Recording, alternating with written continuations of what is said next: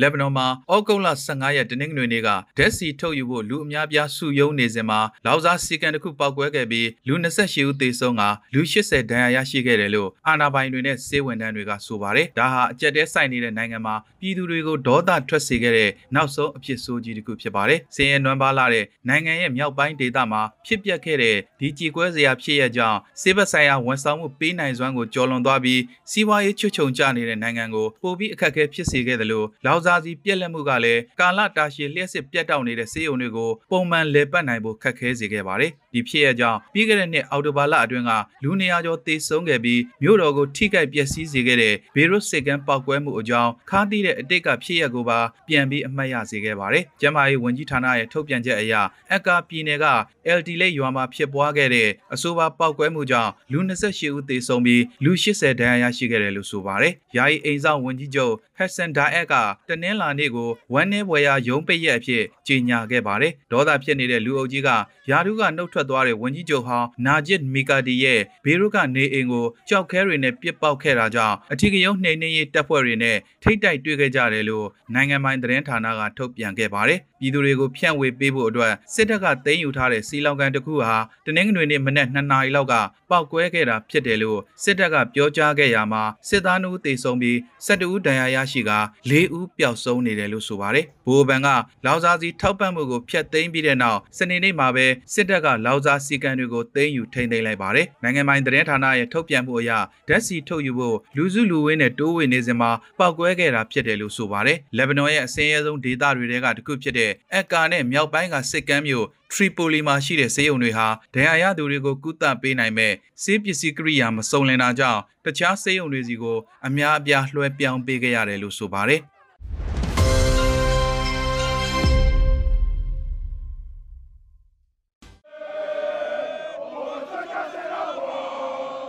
ဩဂုတ်လ15ရက်တနင်္ဂနွေနေ့က Strasbourg အသင်းနဲ့ကစားပွဲမတိုင်မီ Paris Saint-Germain အသင်းရဲ့ပြည်သက်တွေပြည့်နေတဲ့ကစားကွင်းစီကိုရောက်လာတဲ့အသင်းရဲ့ player တဲ့ Lionel Messi ကိုပထမဆုံးအကြိမ်ဖြစ်အင်ရှင်ပြည်သက်တွေကဝမ်းသာအားရကြိုးဆိုနှုတ်ဆက်ခဲ့ကြပါတယ်။ဒီပွဲမှာသူ့ရဲ့ကစားပေါ်ဖြစ်လာမဲ့ကိုင်လီယန်အမ်ဘာပေရဲ့ဦးဆောင်မှုနဲ့ PSG အသင်းက၄ဂိုး၂ဂိုးနဲ့အနိုင်ရရှိခဲ့ပါတယ်။ ကစားပွဲမစတင်မီတနာရီအလိုမှာကြိုးဆိုနှုတ်ဆက်ပွဲကိုကျင်းပခဲ့တာဖြစ်ပေမဲ့ PSG အသင်းရဲ့နွေရာသီခေါ်ယူမှုနဲ့အတူပြောင်းရွှေ့လာတဲ့ဘောလူဒီအော်6ထက်ကွမ်းဆုရှင်မက်ဆီကိုပြည်သက်တွေက4800ဆန့်ကစားကွင်းနဲ့အပြည့်ဝမ်ပန်းတသာကြိုးဆိုနှုတ်ဆက်ခဲ့ကြပါတယ်ပါတီ Prince ကွင်းရဲ့မြက်ခင်းပြင်ပေါ်ကခင်းကျင်းထားတဲ့စင်မြင့်ထက်မှာ Sergio Ramos, GN Luigi Donnarumma, Jorginho Wijnaldum, Achraf Hakimi တို့နဲ့အတူ Messi ဟာ အသင်းသားအသစ်အဖြစ်ပူးပေါင်းဆင်နွှဲခဲ့တဲ့မိတ်ဆက်ပွဲအခမ်းအနားမှာကျင်းပဖို့ရှိနေတဲ့ကစားပွဲကိုတောင်မေ့သွားတဲ့အောင်ထင်ရပါတယ်။အာဂျင်တီးနားကစားသမားအသစ်ဟာဒီပွဲစဉ်ကိုနေမာနဲ့အင်ဂျယ်ဒီမာရီယာတို့နဲ့အတူအားပေးကြည့်ရှုခဲ့ပြီးကိုပါအမေရိကမှာကစားပြီးတဲ့နောက်အတော်ကြာပြီးမှအခုလိုပြန်ဆုံတဲ့ဒီ၃ယောက်တွဲကိုလီဂ်1ရဲ့ဒီနှစ်ရာသီအစမှာနှစ်ပွဲကစားပြီးနှစ်ပွဲနိုင်ထားတဲ့နီးပြမာရီစီယိုပိုချက်တီနိုကတော့အခုထိမဆုံးဖြတ်ရသေးပါဘူးအဆိုပါပွဲရဲ့ပထမပိုင်းအပြီးမှာ မာရိုအီကာဒီတကိုဂျူလီယန်ဒရက်ဇလာတကိုနဲ့တစ်ဖက်အသင်းကလူဒိုဗစ်အက်ဂျိုရဲ့အုံဂိုးတွေနဲ့ PSG အသင်းက၃ဂိုးဂိုးမရှိနဲ့ဂိုးပြတ်နိုင်ထားပေမဲ့ဒုတိယပိုင်းမှာတော့ Strasbourg အသင်းဘက်က ကီဗင်ဂါမဲရိုနဲ့အက်ဂျိုရိုကခြေပကိုနှစ်ကိုပြန်လည်ရယူပြီးပြေးသက်ကိုစိတ်လှုပ်ရှားစေခဲ့ပါတယ်။ဒါပေမဲ့ကိုဗစ်ကြောင့်ပြီးခဲ့တဲ့နှစ်မက်လာကလေးကပိတ်ပင်ထားခဲ့ရာကပထမဆုံးအဖြစ်ပြန်လည်ကြီးစုခွင့်ရတဲ့ကွင်းပြေကွင်းရှံပြေးသက်တွေရှိမှာ Strasbourg အသင်းဘက်ကတယောက်ထုတ်ခံလိုက်ရပြီးမကြခင်မှာပါဘလိုဆာရာဘီယာကတေချာပေါအနိုင်ဂိုးကိုသွင်းယူခဲ့ပါတယ်။ De ce Messi, qu'est-ce qu'on attend Du spectacle. မက်ဆီစီကငါတို့ဘာတွေမျှော်လင့်လို့ရမလဲနည်းနည်းပြောစမ်းပါဆိုတဲ့ဆာဒီယိုစီဒီဗီရဲ့အမေကိုသူကချန်ပီယံလိဂ်ရဲ့အတောက်ပါဆုံးကျယ်ပွင့်ပဲနှစ်အတော်ကြာအောင်အခုထိငါတို့ပျောက်ဆုံးနေတဲ့အရာကိုမက်ဆီကဒီနှစ်မှာယူပေးနိုင်မယ်လို့မျှော်လင့်ထားတယ်လို့ PSG ဖန်တူဖြစ်တဲ့ Rishi Banaza ကဆိုပါတယ် Euh, étant un grand fan du PSG, ça donne des PSG ဖန်တယောက်အနေနဲ့ဘောလုံးကွင်းကိုပြန်ဝင်ခွင့်ရတာတကယ့်ကိုပြောစရာကောင်းတယ်။ကွင်းထဲကလက်ဆက်နေတဲ့လေထုရောကြားနေရတဲ့လူတိုင်းရဲ့သချင်းတန်တွေရောပျောက်နေခဲ့တာကြာပြီ။ကိုဗစ်ယောဂါတွေဖြစ်နေတယ်။ဒီမှာလည်းဖြစ်တယ်ဒါပေမဲ့ဒီအရာတွေကိုငါတို့လိုအပ်တယ်ဒီကွင်းထဲကိုအခုလိုပြန်လာပြီးအပန်းဖြေဖို့စိတ်မရှိနိုင်ဖြစ်ခဲ့ရတယ်လို့ PSG ဖန်တူဦးဖြစ်တဲ့ဗလာဒီကော့ရစ်ကဆိုပါတယ်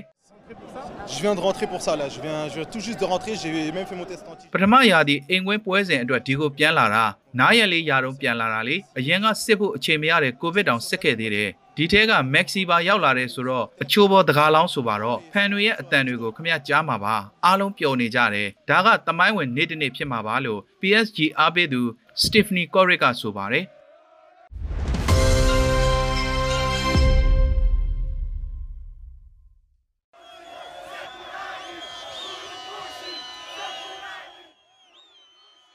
မ်ဘီယာပြည်သူတွေဟာတမတတဲ့အဖြစ်ရွေးကောက်တင်မြှောက်ခံရတဲ့ဟာကိန်တဲ့ဟစ်ချီလီမာကိုကြိုးစိုးထောက်ခံတဲ့အနေနဲ့အလန်နေဝရမ်းပြီးတချင်းတွေဟစ်ကြွေးက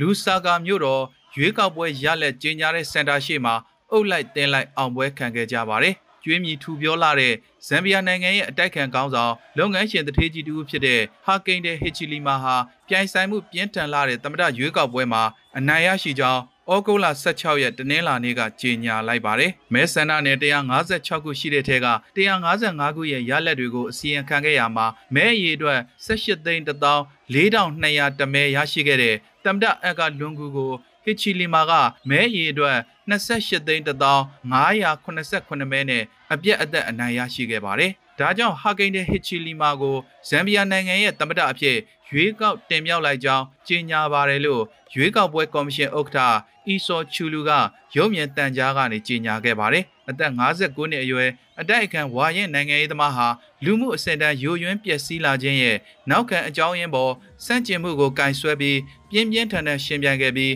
ကာလတာရှည်သူ့ရဲ့ပြိုင်ဘက်ဖြစ်ခဲ့တဲ့လွန်ကူအပေါ်အနိုင်ရရှိခဲ့ပါတယ်။ လူနေမှုစည်းမြင့်တက်လာမှုနဲ့သဘောထားကွဲလွဲမှုတွေအပေါ်နှိမ်နင်းမှုတွေနဲ့ပတ်သက်ပြီးမကျေနပ်မှုတွေမြင့်တက်လာနေခဲ့ပေမဲ့ယာဒူးသက်တမ်း6နှစ်ရှိပြီဖြစ်တဲ့လွန်ကူဟာသူ့ရဲ့အာဏာတည်မြဲရေးအတွက်ကြိုးစားခဲ့ပါသေးတယ်။စီးပွားရေးဘွဲရတူဖြစ်ပြီးယင်းနှိမြုံနှံသူတွေရဲ့ယုံကြည်မှုကိုပြန်လည်တိစောက်ဖို့ကတိပြုထားတဲ့သမ္မတအဖြစ်ရွေးကောက်ခံခဲ့ရသူဟစ်ချီလီမာဟာမြင့်မားလာနေတဲ့ကျွေးမြီတွေငွေကြေးဖောင်းပွားမှုတွေနဲ့အလုတ်လက်မဲ့ပြဿနာတွေကိုရင်ဆိုင်ရမှာဖြစ်ပါတယ်။ ပြီးခဲ့တဲ့နှစ်ကဂျင်းနီတက်ထုကျွဲဝတဲ့တောင်ပိုင်းအာဖရိကနိုင်ငံဟာကိုရိုနာဗိုင်းရပ်စ်ကာလအတွင်းဒေသတွင်းမှာကျွေးမြီအထူပြောဆုံးနိုင်ငံဖြစ်လာခဲ့ပါတယ်။ဒါ6ကြိမ်မြောက်ရှင်ပြိုင်ခဲ့တာဖြစ်တယ်လို့ 64နှစ်အရွယ်လွန်ကူနဲ့3ကြိမ်မြောက်ရှင်ပြိုင်မှုဖြစ်ပြီး2016ခုနှစ်ကနောက်ဆုံးရှင်ပြိုင်မှုမှာတော့မဲအရေးအတွက်ကပ်ပြီးရှုံးနေခဲ့ပါတယ်။ဟီချီလီမာဟာမဲရလက်ကြီးညာအပြီးတိတ်မကြခင်မှာပဲလူထုရှေ့မှာရက်နေတဲ့သူ့ရဲ့ပုံကိုကျေးဇူးတင်ပါတယ်ဇမ်ဘီယာဆိုတဲ့ခေါင်းစဉ်နဲ့သူ့ရဲ့ Twitter မှာတင်လိုက်ပါတယ်။ Right. So it is a very emotional moment for some of us.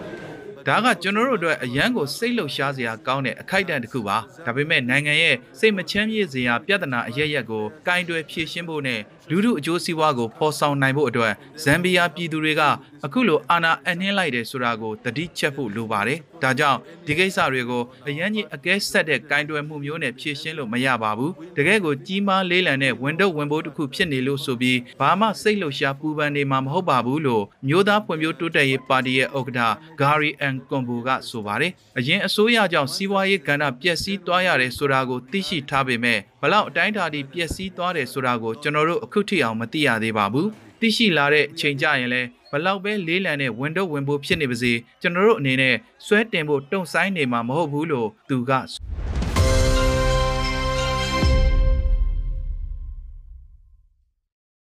ငလင်တန်အကြီးကျယ်တင့်ခဲ့တဲ့ဟေတီနိုင်ငံလေခိုင်းမြို့စေယုံကြီးမှာထိခိုက်ဒဏ်ရာရလူနာတွေနဲ့ပြည့်နှက်သွားသလိုကယ်ဆယ်ရေးဝန်ထမ်းတွေအဖို့ပြိုကျသွားတဲ့အဆောက်အဦအပျက်စီးပုံတွေကြားမှာအသက်ရှင်ကျန်ရစ်သူတွေကိုစူးစမ်းရှာဖွေနေချိန်မှာပဲဩဂုတ်လ15ရက်တနင်္ဂနွေနေ့မှာရရှိတဲ့စီးရင်အရအပြင်းဟေတီငလျင်ကြောင့်တေဆုံးသူဦးရေဟာ1200ကျော်သွားခဲ့ပြီဖြစ်ပါတယ်။နိုင်ငံရဲ့အနောက်တောင်ပိုင်းကငလျင်တန်တဲ့နဲ့အခြားမြို့တွေလိုပဲနောက်ဆက်တွဲငလျင်တွေကြောင့်ကြောက်လန့်တကြားဖြစ်နေတဲ့လေခိုင်းမြို့ကမြို့ကန်တွေဟာနေအိမ်ရှိတွေမှာပဲတညလုံးအိတ်ဆက်ခဲ့ရတယ်လို့ဆိုပါတယ်။ပျောက်ဆုံးနေသူတွေကိုရှာဖွေနေချိန်မှာလမ်းတွေပေါ်မှာလည်းပြိုကျအဆောက်အဦတွေကအပျက်စီးတွေကိုတည်ယူနေတဲ့အကြီးစားရင်ရန်တရားတွေရဲ့အတန်တွေအပျက်စီးတွေကိုတပိုင်းတနိုင်တည်ယူပေးနေတဲ့လူတွေရဲ့ခက်တိုးတိုးအတန်တွေနဲ့ပြည့်နှက်နေခဲ့ပါတယ်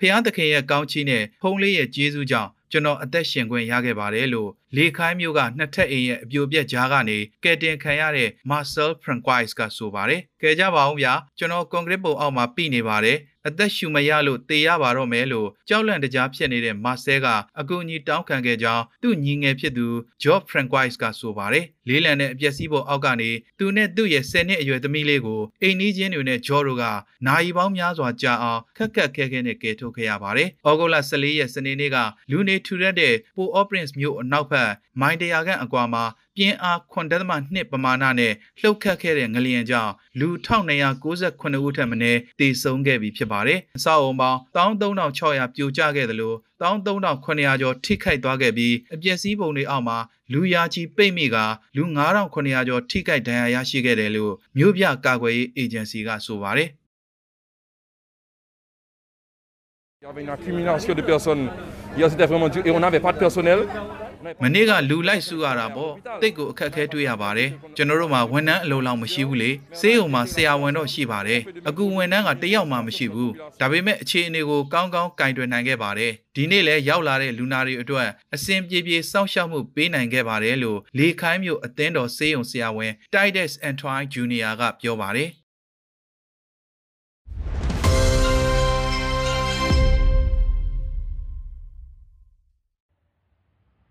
အာဖဂန်နစ္စတန်နိုင်ငံကနေပြန်တန်းလာတဲ့ UK ကယ်ဆယ်ရေးလေယာဉ်ဟာအင်္ဂလန်နိုင်ငံ Bright Northern တော်ဝင်လေတပ်အခြေစိုက်စခန်းမှာဒီနေ့ဩဂုတ်လ16ရက်တနင်္လာနေ့မှာဆင်းသက်ခဲ့ပါတယ်။အာဖဂန်နစ္စတန်ကိုတာလီဘန်တွေသိမ်းပိုက်ခံလိုက်ရခြင်းဟာနိုင်ငံတကာအတိုင်းဝိုင်းရဲ့ကြောက်ဆုံးမှုပဲဖြစ်တယ်လို့ပြည်ထောင်ကာကွယ်ရေးဝန်ကြီး Ben Wallace ကဒီနေ့ဩဂုတ်လ16ရက်နေ့မှာပြောဆိုလိုက်ပြီးအနောက်ကဘာရဲ့ကြားဝင်ဆွတ်ဖက်မှုဟာတဝက်တစ်ပြက်နဲ့အဆုံးသက်သွားတဲ့အလုပ်တစ်ခုပဲလို့မှတ်ချက်ပေးလိုက်ပါတယ်။ကျွန်တော်တို့အားလုံးသိကြတဲ့အတိုင်းပဲအာဖဂန်အရေးဟာမပြီးသေးပါဘူး။ ဒါဟာကဘာကြီးအတွက်မပြီးပြတ်သေးတဲ့ပြဿနာတစ်ခုပါကဘာကြီးကကူညီဖြေရှင်းပေးဖို့လိုပါတယ်လို့ BBC ရုပ်သံနဲ့တွေ့ဆုံရမှာသူကပြောကြားလိုက်ပါတယ်ဗြိတိရှစစ်တပ်အရာရှိဟောင်းတို့ကတော့အစ္စလာမစ်စစ်သွေးကြွတွေနဲ့သမ္မတဒေါ်နယ်ထရန့်ကစိုးဝါးတဲ့အပေးအယူတွေလုပ်ခဲ့တဲ့အတွက်ခုလိုသူတို့ခေါင်းထောင်လာနိုင်တာဖြစ်တယ်လို့ပြောပါတယ်။အာဖဂန်မှာအမေရိကန်ဦးဆောင်တဲ့မဟာမိတ်တပ်ဖွဲ့တွေဝင်ရောက်ဆွတ်ဖက်မှုဟာအချီးနှီးအလုံးမဟုတ်သလိုလှုပ်တင်လှုပ်ထိုက်လို့လုပ်ရတာဖြစ်တယ်ဆိုတဲ့အချက်ကိုလက်ခံပေမဲ့အနောက်ကဘာရဲ့အင်အားအပေါ်နိုင်ငံရေးအရာမျက်တောင်မွေးတစုံပဲရှုမြင်ခံလိုက်ရပြီလို့သူကဆွတ်ဆွဲပြောဆိုလိုက်ပါတယ်။တကယ်လို့ဒါကိုကြဆုံးမှုလို့ပြောမယ်ဆိုရင်အခြေအနေတွေကိုနေချင်းညာချင်းပြောင်းလို့မရဘူးဆိုတာကိုသဘောမပေါက်တာကိုကနိုင်ငံတကာအတိုင်းဝိုင်းရဲ့ကြဆုံးမှုပဲပြောရရင်နှစ်ထောင်ချီသမိုင်းရှိခဲ့တဲ့ပြည်တွင်းစစ်ဖြစ်နေတဲ့အာဖဂန်လိုနိုင်ငံမျိုးကိုကင်တွယ်မယ်ဆိုရင်ပြဿနာတွေကိုရှင်းပေးနိုင်ရမယ်။နှစ်ပေါင်း100စာလောက်ထိဖြည့်ရှင်းပေးနိုင်ရမယ်လို့သူကဆက်ပြောပါတယ်။ American အမျိုးသားလုံခြုံရေးအကြံပေးဟောင်းအငိမ့်စားဒုဗိုလ်ချုပ်ကြီး Herbert Raymond McMaster ကခုလိုတာလီဘန်တွေအလင်းအမြန်ထိန်းချုပ်နိုင်မဲ့အဖြစ်ကိုရိတ်စားမိခဲ့ခြင်းမရှိတဲ့အဖြစ်ကိုထောက်ပြလိုက်ပြီးဒါဟာတိတ်ကိုအန်ဒီရများတဲ့လင်းလျူရှုမှုတစ်ခုပဲလို့မှတ်ချက်ပေးလိုက်ပါတယ်။ Times Radio နဲ့တွေ့ဆုံရမှာသူက Trump လူလူဥဆောင်ပြီးကင်တွယ်ပြီးဆိုမှတော့လုံးဝကိုဖျို့ဖျဲဖြစ်တော့မယ်ဆိုတာကျင်းသေးနေပြီးသားပဲဗျာ ခုတော့လက်ပိုက်ကြည့်နေရကနေမမြင်ရင်အောင်ဆောင်တဲ့အဆင့်ကိုရောက်သွားပြီလို့သူကပြောဆိုလိုက်ပါတယ်